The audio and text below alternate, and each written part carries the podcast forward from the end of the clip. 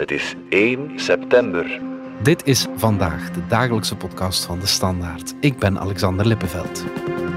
KSO of kunstsecundair onderwijs was lange tijd het kneusje van het onderwijs. Maar dat lijkt te keren. De stroming is razend populair in Vlaanderen en Brussel. Er worden zelfs wachtlijsten opgesteld en dat is de eerste keer. Waarom hing er zo lang een stigma rond het KSO? Wat maakt het kunstonderwijs nu zo aantrekkelijk?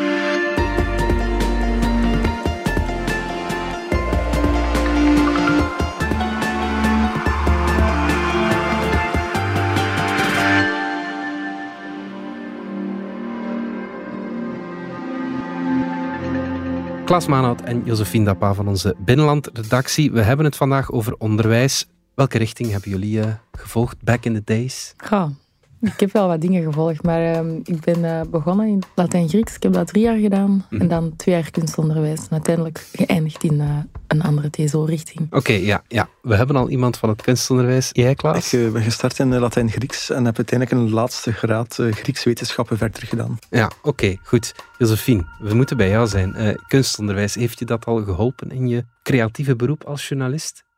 Ja, ik denk dat daar wel een zaadje geplant is. In die zin dat je leert dat er niet één geëikte manier is of zo om dingen te doen. Mm -hmm. ook als ik later naar de universiteit ging, kwam mij dat goed van pas. Maar zelfs in mijn laatste jaar middelbaar, ik heb dan sociale en technische wetenschap gedaan. Mm -hmm. En uh, ik kreeg daar zo heel veel groepsopdrachten, vaak overschrijdende dingen. En ik merkte wel dat mijn medeleerlingen uit het klassiek theoretisch onderwijs veel meer moeite hadden met buiten de lijnen van één vak denken. Ja, ja, ja. Ja, heb jij spijt dat je niet naar het KSO gegaan bent, uh, Klaas? Goh, ik heb er nooit spijt van gehad. Maar het is wel een zeer fijne klas en een zeer goede school, denk ik. Dus dat, is al, uh, dat doet veel. Je hebt ASO, TSO, BSO. De meeste mensen weten wel wat die drie klassieke stromingen inhouden. Maar Klaas, wat houdt het KSO eigenlijk in voor de duidelijkheid? Welke richtingen kan je er zo al volgen?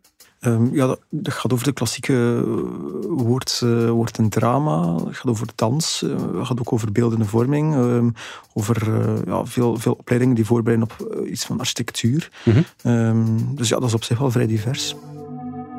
Goed, jullie deden een, een belrondje, zeg maar, om de populariteit van dat secundair kunstonderwijs uit te spitten. Wat waren de bevindingen? Uh, goh, ja, het was eigenlijk heel snel duidelijk hoor. Uh, we hadden een eerst enkele signalen gekregen van ouders die zeiden van tja, mijn, uh, mijn kind wil heel graag naar een kunstopleiding, maar staat op verschillende scholen op een wachtlijst. Mm -hmm. ze gaan bellen naar verschillende directeurs. En daar hoorden we eigenlijk onmiddellijk van ja, inderdaad, het klopt, we werken voor bijna alle richtingen met een, met een wachtlijst. Mm -hmm. En ik denk dat we er een soort van achttal gebeld hebben. Er zijn ook niet heel veel kunstscholen in Vlaanderen. Mm -hmm. Ik denk dat je met 20, 25 wel uh, ja. rond bent. Vooral in de centrumsteden ook. Vooral in de centrumsteden. Ja. Um, en daar is denk ik ook het probleem het, het, het grootst. Of mm -hmm. zijn er het meeste gegadigden. Mm -hmm. Maar ook uh, in de Kempen, Aalst, West-Vlaanderen heb je overal wachtlijsten. Dus dat is effectief wel zo. En um, ja, dat, dat, brengt toch zeker voor directies wel een soort van nieuwe golf met zich mee. Als in, ja, je moet dan ouders teleurstellen of jongeren teleurstellen. Ja. jongeren moeten dan naar een andere piste op zoek gaan. En dat zorgt natuurlijk zeker in een grote vakantie wel voor wat onzekerheid en wat spanning. Ja, dat is voor niemand leuk. Wat is dan de grote aantrekkingskracht van dat KSO? Ik denk dat er niet echt een pasklaar antwoord is. Mm -hmm. Die directies die wezen zelf um, naar ja, de leerlingenaantallen die overal in secundair wel toenemen. Maar natuurlijk, als je dan plots heel populair bent, moet er wel meer aan de hand zijn. Mm -hmm. Ze zeiden van ja, we merken toch dat leerlingen mondiger zijn dan vroeger. Daarnaast gaven verschillende directeurs ook wel aan van uh, corona heeft ook wel een impact gehad. Het welbevinden van heel wat jongeren stond uh, en staat onder druk. Ja. Um, en ik denk, of die directeurs dachten dat de ouders daarom wel meer geneigd zijn om uh, hun kind te volgen als ze zeggen van ik zou eigenlijk liever naar het KSO gaan. We belden met Marianne de Smet, een moeder van drie kinderen in het kunstonderwijs. En als kind maakte Marianne zelf de stap van klassiek naar kunstonderwijs. Ja, het grote verschil was dat ik heel snel aanvoelde dat niemand mij raar bekeek. Niet dat ze mij in mijn college raar bekeken, maar ik had toch altijd het gevoel een beetje de vreemde eend in de bijt te zijn. Ik miste zo precies iets, maar ik kon niet zeggen wat. En toen ik dan in de kunstschool kwam, Er waren ook hele rare figuren qua kledij. En, en de eerste dagen was ik echt mijn ogen aan het uitkijken dat die dat allemaal durfden dragen en durfden aandoen. En die waren ook veel mondiger naar de leerkrachten toe. Uh, de leerkrachten werden ook met een voornaam aangesproken. Dus dat was direct een veel familiale sfeer. En ik kreeg heel snel het gevoel dat ik ook iets mocht zeggen en er ook gewoon mocht zijn zoals ik was. Dat klinkt aantrekkelijk, maar het is net die losse sfeer die geleid heeft tot het stigma dat uh, ja, het KSO minder kwalitatief onderwijs biedt. Hè? Ja, ergens begrijp ik dat wel, maar langs de andere kant, naar mijn mening, is dat net een symptoom van het feit dat de klassieke visie op onderwijs hm. misschien te strak en te rigide is voor sommige leerlingen. Ja. Ehm, ja, ik zei het al, er is niet één manier van leren, hm. terwijl dat in um, klassiek theoretisch onderwijs toch het dominante discours is. En als je daar altijd in mee moet gaan, terwijl je zelf merkt, oh, ik word op andere manieren makkelijker geprikkeld, dan is het zeer vervelend om vier en een halve dag per week op een school te zitten waar er geen ruimte voor is. Ja, dat is ook wat de ouders blijkbaar aangeven aan directies. Mhm. Ehm, we hebben natuurlijk ja, vorig jaar heel veel geschreven over die eindtermen, die fameuze eindtermen. Ja. Een van die dingen die daaruit komen is ja, dan natuurlijk de creatieve vakken ook in heel veel technische of uh, theoretische richtingen onder druk staat. Mhm. En je merkt wel dat, dat, dat, veel ouders al zeggen van ja, dat ASO, zoals het dan heet, is eigenlijk wel vrij saai geworden. En zeker kinderen die, die soms ook iets minder gemotiveerd zijn of die, die heel creatief zijn en dat dan niet kwijt kunnen, ja, dan, is dat KSO wel echt een uh, hele ja, goede en ook een reële piste blijkbaar. Ja. In een gewone ASO-school heb je altijd kinderen die goed zijn in wiskunde, goed zijn in Frans. En je hebt dan kinderen die daar niet zo goed in zijn. En die paar uurtjes kunst zijn misschien de enige vakken waar dat ene kind zijn talent kan laten zien. En als ze dat afschaffen, dan zitten die kinderen echt ja, bijna gevangen. En dan denk ik ook aan ouders die misschien ook te weinig op de hoogte zijn omdat er zoiets bestaat als kunstonderwijs, of dat misschien, zoals hier vroeger, maar kunstonderwijs vinden. Ik vind dat dan heel erg dat die kinderen nooit zullen de kans krijgen om, om hun creativiteit te uiten betekent naar KSO gaan automatisch dat je ook in een, ja, een creatieve sector terechtkomt? Of is dat niet meteen zo? Nee, dat denk ik helemaal niet. Ehm. Want dat is ook een stigma, hè? Ja, ja maar ik, ik, vind dat een beetje gek. Ik, allee, ik, nee, het is niet zo gek. Ik begrijp het wel, maar opnieuw ook dat toont aan wat, wat de kracht en kwaliteit van een kunstopleiding kan zijn. Mhm. Het is echt niet zo dat iedereen die daaraan begint denkt de volgende Rinus van de Velde te worden. Daar gaat het niet over. Maar en dan denk ik vooral aan mezelf.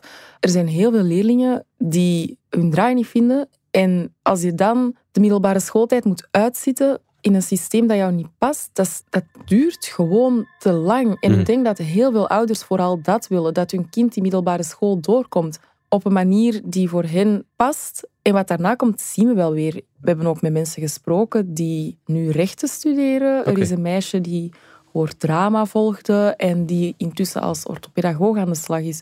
Het een sluit het ander niet uit. Ja, ja, ja. Joris van Waas was een van die ouders die in die hokjes dacht. Hij is onderwijspedagoog aan de Thomas More Hogeschool, kent de onderwijswereld dus goed. En na lang twijfelen zal zijn 13-jarige dochter starten op een kunstschool in plaats van in het ASO. Als ouder is het dan heel begrijpelijk dat je denkt: hmm, ik wil hier nog niet aan mijn pijlen uh, op, op richten uh, om haar toekomst niet te blokkeren. Maar ik denk uh, dat ja, de QCMR als goed heeft ingericht dat, eigenlijk, ja, dat, dat, je, dat je dat niet doet, dat die pijlen niet maar op één roos gericht zijn en dat er nog heel veel mogelijkheden daarna zijn. Ja, en dat bewijzen de cijfers ook. Dus uh, de uitstroomcijfers tonen aan dat, uh, ja, ik denk ongeveer minder dan de helft, denk ik, uh, effectief ook doorstroomt naar hele echte kunstzinnige opleidingen ah, ja, okay, of, of, een beroep dat eraan gelinkt is. En ja. inderdaad, ja, die, ook heel wat jongeren stromen door naar bijvoorbeeld de opleiding in de lerarenopleiding of, of naar, naar, naar iets zachtere bachelors, uh, academisch en professioneel, mhm. in, uh, in dat hoger onderwijs. Ja, oké. Maar inderdaad, eh, wat je net zei, het klopt wel dat dat een soort van stigma was. Hè. Mm -hmm. heel veel ouders dachten van, oké, dan, dan wordt hij, hij, of zij een kunstenaar. Ja. En ik denk ook wel, en dat gaven die directeurs ook wel aan door die modernisering van het onderwijs, wordt ook wel duidelijker wat een richting nu precies inhoudt en wat je ermee kan doen. Ja. En Terwijl veel ouders vroeger dachten van, ja, dat is vooral knutselen, et cetera, weten ouders nu, oké, het is ook wel met een brede basisvorming. Ja. Er zijn heel wat creatieve uren, maar er is ook een brede basisvorming en er is ook zes uur wiskunde in bepaalde opleidingen. En Ja. er is ook wetenschappen. En ik denk dat dat ook wel, ja, in Vlaanderen dat toch heel hard uh, vasthangt aan die is het, hè? kennis, Ja, dat dat toch wel voor veel ouders daarom, dat dat wel een reële piste maakt. Ja. Fien Meesters is een 21-jarige studente die haar volledige middelbare schooltijd aflegde in de kunsthumaniora in Antwerpen. Ze koos er voor beeldende architecturale vorming en studeert nu architectuur aan de hogeschool. Aangezien ik beeldende vorming deed, dat dat eigenlijk een richting was met nog vrij veel theoretische vakken. We hadden nog chemie, biologie, fysica en ook nog wiskunde. En omdat ik architecturale vorming heb gedaan, hadden wij eigenlijk nog zes uur wiskunde. Maar ik denk dat we wel de enige richting waren op de hele school die zes uur wiskunde hadden, omdat wij architecturale vorming waren. Dus ik denk, um, als je gewoon woord of muziek of zo, dat je dan misschien drie uur wiskunde had, dat dat wel wat minder was. We gaan er even uit voor een korte boodschap. Goed nieuws, Bits en Atomen is terug. Met Dominique Dekpijn. En Pieter van Doren. En deze week over... Ik ga het onder meer hebben over Peter Zatko, de klokkenluider bij Twitter, die daar nogal wat onfrisse zaken heeft opgegraven die dat bedrijf miljarden zullen kosten. En ik heb het over de wetenschap die half en half bevestigt dat het monster van Loch Ness wel eens zou kunnen bestaan.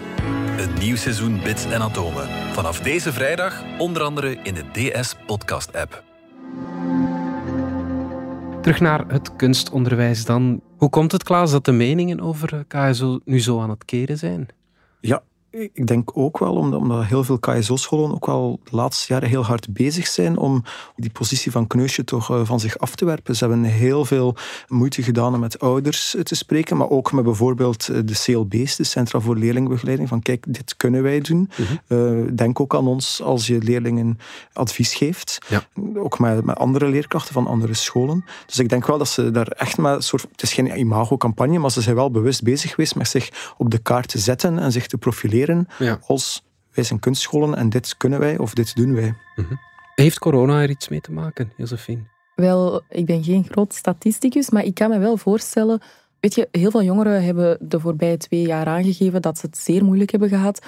Ook in het reguliere onderwijs zijn er leraars die zeggen... We merken dat jongeren nog altijd aan het herstellen zijn. Ja. Dus ik kan me heel goed voorstellen dat dat zich vertaalt in een steeds groter wordende groep die zegt ik wil ander onderwijs, ik wil mezelf ook kunnen uitdrukken, want die Ja. nadruk is daar toch wel een beetje op komen te liggen. Mhm. Zelfexpressie.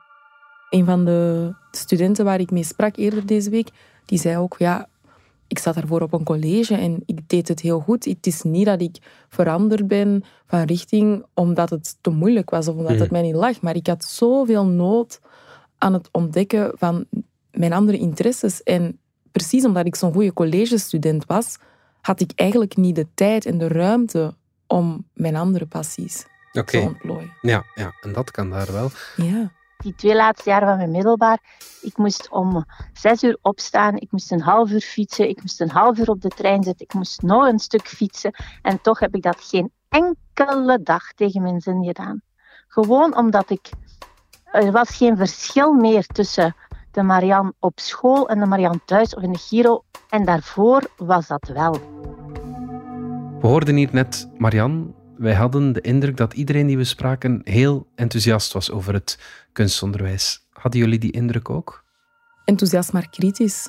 Ja, het is zeker geen goed nieuwsshow. Hè. Uh, het, het klopt dat er mensen zijn die op 15, 16-jarige leeftijd kiezen voor KSO en tegen dat ze 18, 19 zijn beseffen, oh, tja, ik wil eigenlijk wel psychologie gaan studeren of ik wil eigenlijk wel de toegangsproef geneeskunde proberen. Ja, dan wordt het wel een grotere inspanning, maar niets is onmogelijk. Want die cijfers, allee, die bewijzen zijn er. Er zijn mensen die dat effectief met succes doen. Mhm. En dat wil ik wel graag benadrukken. Ik denk dat als mensen denken dat kiezen voor kunstonderwijs uw opties inperkt, ik geloof daar niet in. Ik geloof Mhm. echt dat een, een kind juist de moed krijgt om te groeien en dan nog altijd in eer en geweten kan zeggen, ik ga hiervoor gaan en dat dan ook met succes kan doen. Het doel van, van deze stukken was ook niet, eh, kan je zo super populair maken. Ik denk dat het doel moest zijn dat elke leerling een richting volgt die bij zijn of haar interesses of passies ligt. Mhm. En ehm, we kunnen een even warm pleidooi voeren voor heel veel technische richtingen of beroepsrichtingen. Mhm. En ehm, ik denk, als je iets doet wat je graag doet, of waar je later mee wilt doorgaan, dat, je daar, eh, dat, die, dat die intrinsieke en extrinsieke motivatie er wel, er wel komt.